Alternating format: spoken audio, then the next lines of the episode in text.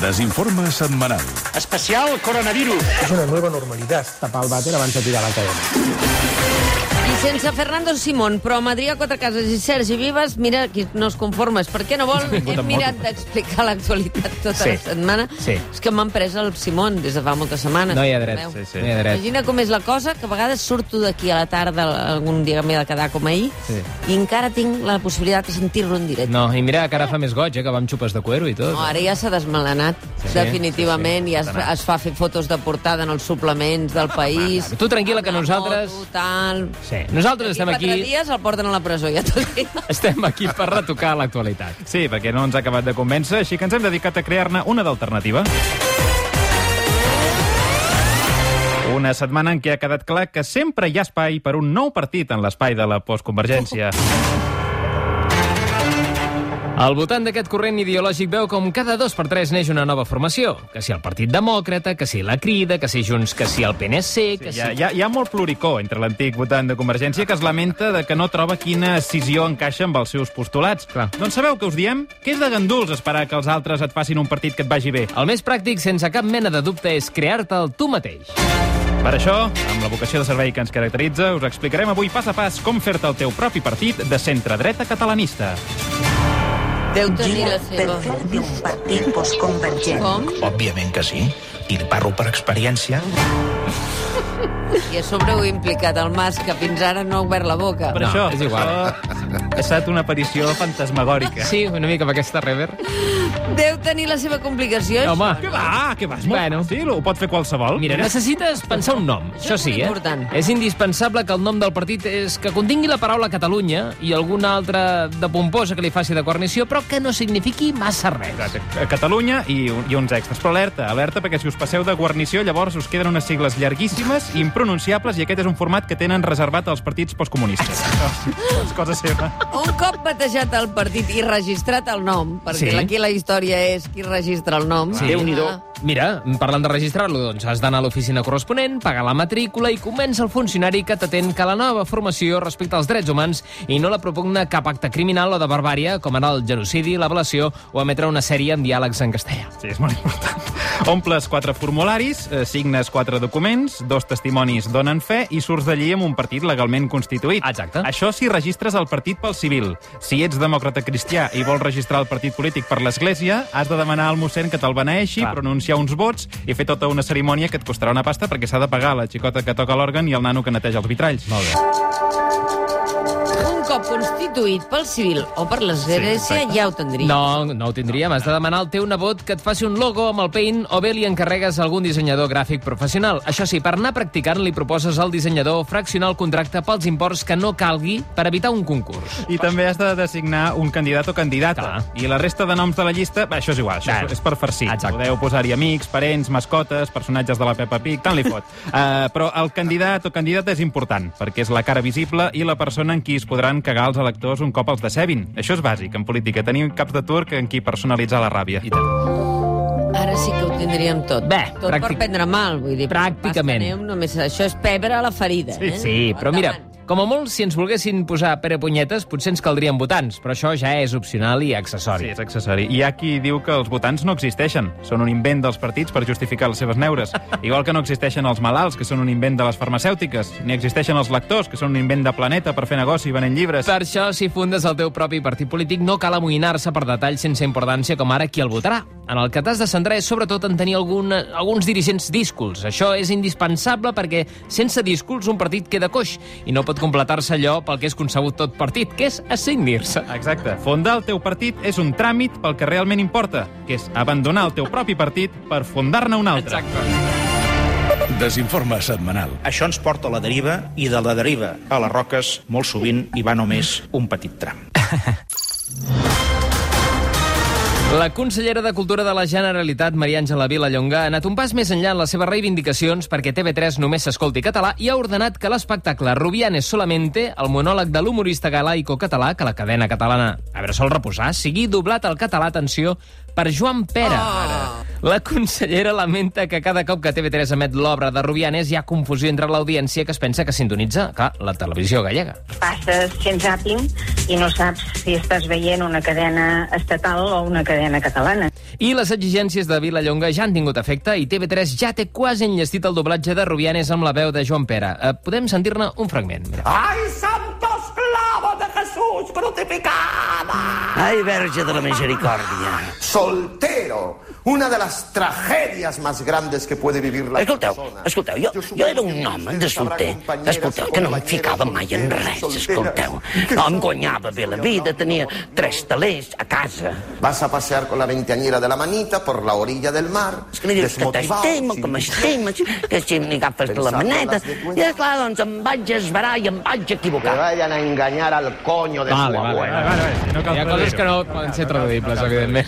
Bueno, a mi se m'acudeixen les traduccions. Sí, sí, sí. Ja som a l'estiu. Els tomàquets ja són de temporada i no d'hivernacle o d'importació i és temps de gazpacho. Ai, ai, sí, Ara, que bo. això, aquesta setmana la Mònica ha dut a l'estudi algú amb qui parlar de tomàquets, Sandro Rossell. L'expresident del Barça i exvíctima de Carmen Lamela insistia a explicar com s'ha estat especialitzant darrerament en el cultiu de la tomaquera, però un tema que semblava fàcil d'abordar es va complicar quan la Terribas, amb la destresa entrevistant que la caracteritza, li va preguntar al Sandro si hi posava només pebre verd o també n'hi posava de vermell. Hòstia, bona pregunta, eh? Aquesta és bona. Doncs... Eh, potser... Potser un- una barreja. Potser una barreja. Va, Eh, una barreja. Sí, diria que 50% cada cosa, sí. molt bé, molt Sí. bé. Sí? M'agrada la pregunta, eh? No havia... que ara em faràs pensar quan surti d'aquí. Sí, sí, m'agrada molt la pregunta. 50%. 50%. Sí. Sí. Com a mínim va concretar. No, això està bé, això està bé. La presentació pública de l'auditoria més gran de la història dels Mossos, la recordeu? Eh? A principis de setmana. Sí. Amb menys periodistes assistents de la història, també, eh, que havia de precisar totes les investigacions sobre les càrregues post-sentència, ha deixat moltes llacunes que el desinforme setmanal pot omplir. Amb la col·laboració de Método 3 vam poder colar un micròfon a l'arenga que va fer un dels caps dels Mossos a porta tancada dirigint-se als agents assistents minuts abans de fer la presentació de l'auditoria. Podem sentir l'emotiu discurs. Todo se reduce a hoy. O nos curamos Como cuerpo policial, o nos desmoronamos. Ahora estamos en el infierno, caballeros. Y... o nos quedamos aquí dejándonos machacar. o hacemos este paripé de auditoría para Salir del infierno. Miro alrededor y veo esas jóvenes caras y pienso... ¿Qué cojones se os pasó por la cabeza para salir con un coche patrulla gritando son Yer de Pau? Tenéis que mirar al que tenéis a vuestro lado. Miradle a los ojos. Creo que vais a ver a un tío. Dispuesto a cubriros si se os va la mano con un puto antisistema. Porque sabe que cuando llegue la ocasión, vosotros haréis lo mismo por él. Eso, eso es un equipo, caballeros. Hòstia, és que és emocionant, eh? És emocionant. A mi m'ha tocat la pell. Quan arriba la calor i s'acaba el curs escolar, hi ha molta canalla que juga a vendre llimonada o a vendre collarets fets amb petxines. Ai, sí. Però a Santa Pola, una joveneta de 5 anys ha muntat una paradeta on hi ofereix cursos d'oratòria. Mariano Rajoy va veure l'oferta i no va dubtar a contractar els serveis de la criatura. La niña sabrá idiomas y tendrá un título profesional Clar, això és el primer que penses. El resultat de la feina feta es va poder lluir el primer míting de Rajoy a la campanya de les eleccions gallegues. Amigas y amigos, muy pocos son los que hoy no convienen con todos en que Galicia mejoró y mucho desde entonces. La precoç emprenedora va acompanyar Rajoy al míting per mostrar amb orgull els resultats de les classes d'oratòria del seu popular alumne. Amigas y amigos, Le enseño a hablar, ahora ya sabe hablar. muy pocos son ¿No entiendes lo que está diciendo? los que hoy ¿Puedes decirlo? no convienen con todos Eso también se lo he enseñado. en que Galicia mejoró y mucho desde entonces. Deberías devolverle su dignidad. Esta es la cosa más ridícula que he visto en mi vida. Cal dir, cal dir que el PP ha contractat un PAC. Amb el curs d'oratòria de Rajoy entrava, hi entrava un descompte per un curs de concentració pel Carlos Iturgait, a càrrec de la germana gran de la nena d'abans. Ah. Un curs per mirar de recuperar el fil d'un discurs mentre algú t'escridàs. Comenzar recordando primero a las personas que han fallecido por la COVID-19, recordar a sus familiares y recordar también y recordar eh, te voy a decir, recordar también recordar también eh, yo- yo- Te doy la bienvenida. recordar esta sesión de meditación guiada. estaba diciendo, estaba diciendo que pues, Es hora eh, de evadirse del ruido exterior. estaba yo comentando, estaba comentando, estaba Por un largo rato estaba comentando como como comentar puedes ir calmando tus pensamientos. estaba comentando anteriormente que el recuerdo a los familiares Poco a poco, a los familiar a los familiares de las personas que han sido a tu propio ritmo. que han sido eh, eh, que, han, que han muerto por la COVID-19. Es un auténtico alivio. Oh, sí, Bueno, el que ha lleujat és eh, que hagi acabat, per fi, sí. aquest home. Menys eh? mal, menys mal. Ai, sí. Al desinforme setmanal de Catalunya Ràdio creiem fermament en el periodisme de carrer, el que trepitja el territori on passen els esdeveniments, i per això cada setmana lluïm un espectacular desplegament humà a la nostra ronda de corresponsal. La comencem a Brussel·les, on la Unió Europea per fi ha confeccionat una de les llistes més esperades pels ciutadans del vell continent. La llista dels països amb els que es permetrà que els europeus puguin mantenir relacions sexuals si es posen a lligar amb guiris. Jordi Baró, Brussel·les, la polvollista, com se l'anomena en alguns sectors, era molt i molt esperada i inclou la Xina, el país més poblat del món. Això, clar, obre més possibilitats de que els europeus puguin fer un clau internacional, no, Jordi? Un és la Xina, però només se li aplicarà l'acord si hi ha reciprocitat, Ah. si el país Ah. asiàtic aixeca el veto als ciutadans Vale, europeus. vale, vale. Els altres estats amb qui s'aixecaran les restriccions són Algèria, el Sí. Marroc i Tunísia, Bueno, vale. Austràlia, Canadà i Nova Zelanda, Ruanda, Geòrgia, Uruguai, Tailàndia i Corea del Sud. Bueno, gràcies, tens opcions gràcies, Jordi. Molt bé. Anem ara cap a Girona, on s'ha jutjat a una parella d'avis a qui s'acusa d'haver celebrat temps de flors malgrat la cancel·lació del Festival Floral de la ciutat per motius de salut pública. Albert Requena, Girona, els avis van ser interceptats quan col·locaven al balcó de casa uns geranis. Van ser vistos per uns Mossos, que de seguida els van aturar amb bales de foam. Els agents, a més, han escrit a l'atestat que un dels pètals de la planta del matrimoni de jubilats va caure justament a l'ull d'un policia provocant-li una conjuntivitis. Què els pot caure als iaios, Albert? El fiscal els acusa de desordre públic, atemptat a l'autoritat, lesions i danys, i d'aquí la petició de 9 anys de presó. Collons. Hòstia. Déu-n'hi-do. Magnífica informació, Albert. I acabem la ronda Rússia, on Vladimir Putin ha demostrat aquesta setmana que un referèndum no té per què dividir una societat. N'hi ha prou en manipular-lo i manegar els vots perquè donin un resultat inapel·lable. L'Adrià Quatrecases és el nostre enviat especial a la capital russa. Bon dia, Adrià. Sí, bon, bon dia des de Moscou. Hola. Una ciutat, sí, una ciutat que aquesta època de l'any està preciosa. Ai, sí. També no, no hi fa la calor que deia la Gemma Puig, i no hi ha tampoc eh, ni la que de que deia del Palafrugell, i pots gaudir de tots els encants d'aquesta terra, la plaça Roja, el vodka i les extorsions de la Que policia. boniques, que boniques. Confesso que no domino la llengua russa a la perfecció, però m'he estat estudiant el text de la reforma constitucional aprovada al referèndum i el, el principal article Sí. reformat diu, i, i disculpeu si les paraules no són exactes, Va. com queden reflectides a la Carta Magna, eh, però ho estic traduint al vol. L'article retocat diu que Putin... Això de traduir el vol Constitucions, Ja, vés no. en compte, eh? Sí, sí, més o menys. Ve, ve a dir, podràs seguir remenant les cireres al Putin fins que li surti dels seus sants collons. Aquesta seria una traducció digna de la traductora. Em sembla que això està així escrit. La veritat és que quan un trepitja terra moscovita de seguida veu claríssim que la gestió de Putin és impecable i un només es pot desfer en elogis cap a la seva tasca. Ajuda molt a veure-ho així de clar tenir dos sicaris seguint-me i parant l'orella a tot allò que dic. Moltíssim ajuda això. No, no, no veig res criticable. Tot és fantàstic a Rússia, no els falta de res, el tracte és exquisit i oposar-se a aquest règim seria de burros. Oh, i tant. eh? Gairebé Ah, tant sí. com a Xina. Sí, sí, sí, més o menys. Sí, doncs, molt bé. Vinga, us deixo, que veig un tio amb ulleres de sol que m'està posant verí a la beguda i em sembla que m'espera per brindar. Adrià Quatrecases, Catalunya Ràdio. Molt bé, doncs gràcies per la informació, company. Desinforme setmanal. Tan difícil era despenjar el telèfon Es el enemigo, que se ponga. i dialogar? No hay más llamadas. Algunes veus tiquismiquis han criticat la monarquia per estar fent un tour per zones empobrides d'Espanya. Han acusat la Casa Reial d'estar fent una campanya de màrqueting. I tenen raó, perquè Felip VI i Letícia Ortiz protagonitzen l'anunci d'Estrella d'Am d'aquest any. Sí, un estiu més, la cervesera promociona la seva beguda amb un anunci on surt gent guapa en racons paradisíacs i per això ha triat el rei i reina d'Espanya i el barri de les 3.000 viviendes a Sevilla. L'espot és preciós i apareixen Felipe i Letícia gaudint del sol i una birreta fresca mentre un grup de residents al barri més pobre de la península els reclamen feina en lloc de postureig.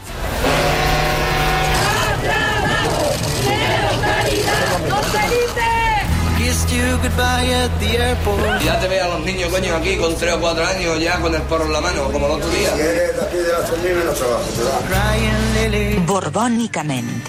Ánimo y adelante. Veus? Amb aquestes paraules, què, què, no pots fer? I com que vivim en un món d'envejosos, no han tardat eh, alguns a reclamar als oferts reis d'Espanya que també els visitin a ells per fer-s'hi la foto. Ai, sí. És el cas d'aquest valencià, que ha retret als monarques que no s'hagin deixat veure per la seva terra. Així, eh? Això que veieu així, eh? Això no és Suïssa. Això és el Mondúber, mamarratxos. I això que n'hi ahí no és el Monte Calvario. Això és la rampa que falta per arribar dalt. No em veig a ningú de vosaltres per així, eh? Ja vindran, home, ja vindran els reis, segur. Fantàstic. No tenen altra feina. Anem a altres temes. Esports. El Barça ho ha... No, no, no, no, el món culer està molt afectat, eh? Bueno, Doncs espera't, ah, perquè ha canviat un jugador de 23 anys, Artur, per un de 30, Pjanic, envellint un cop més una plantilla ja de per si una mica grandeta, molts jugadors passant de la trentena. molt trist el que està perquè se sentin en comunitat, és que no Deu enteneu això. res. Juguin al dòmino. En tot cas, això ha obligat a incloure el Barça en els grups de risc pel que fa al coronavirus, perquè, clar, lluny de tenir canalla, el club el que té cada cop més damunt del camp són avis, i aquests són els que més han de vigilar si contrauen la malaltia. Cinta Pasqual, presidenta de l'Associació Catalana de Recursos Assistencials, deia a TV3 que fa temps que portava avisant que la plantilla blaugrana estava envellint molt. Nosaltres portem reivindicant aquesta situació des de fa temps. Fixe que revisava avui amb la Junta Directiva, el 12 de març, ja vam enviar un document a Salut Pública dient això és un drama. Sí, sí, una mica sí que ho és. Ho és. Amnistia Internacional, per la seva banda, demana que s'obri immediatament el Camp Nou i es deixi assistir els socis a un partit per tal que puguin cagar-se en tot. Ara. Barça!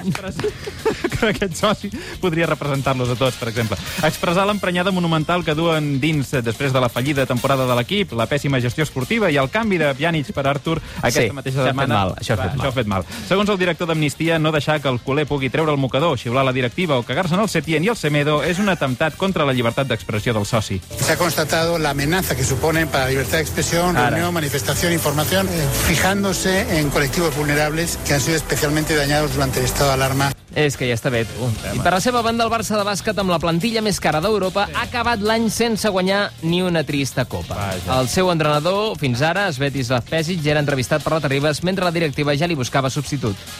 Eh, jugamos una eh, temporada muy correcta.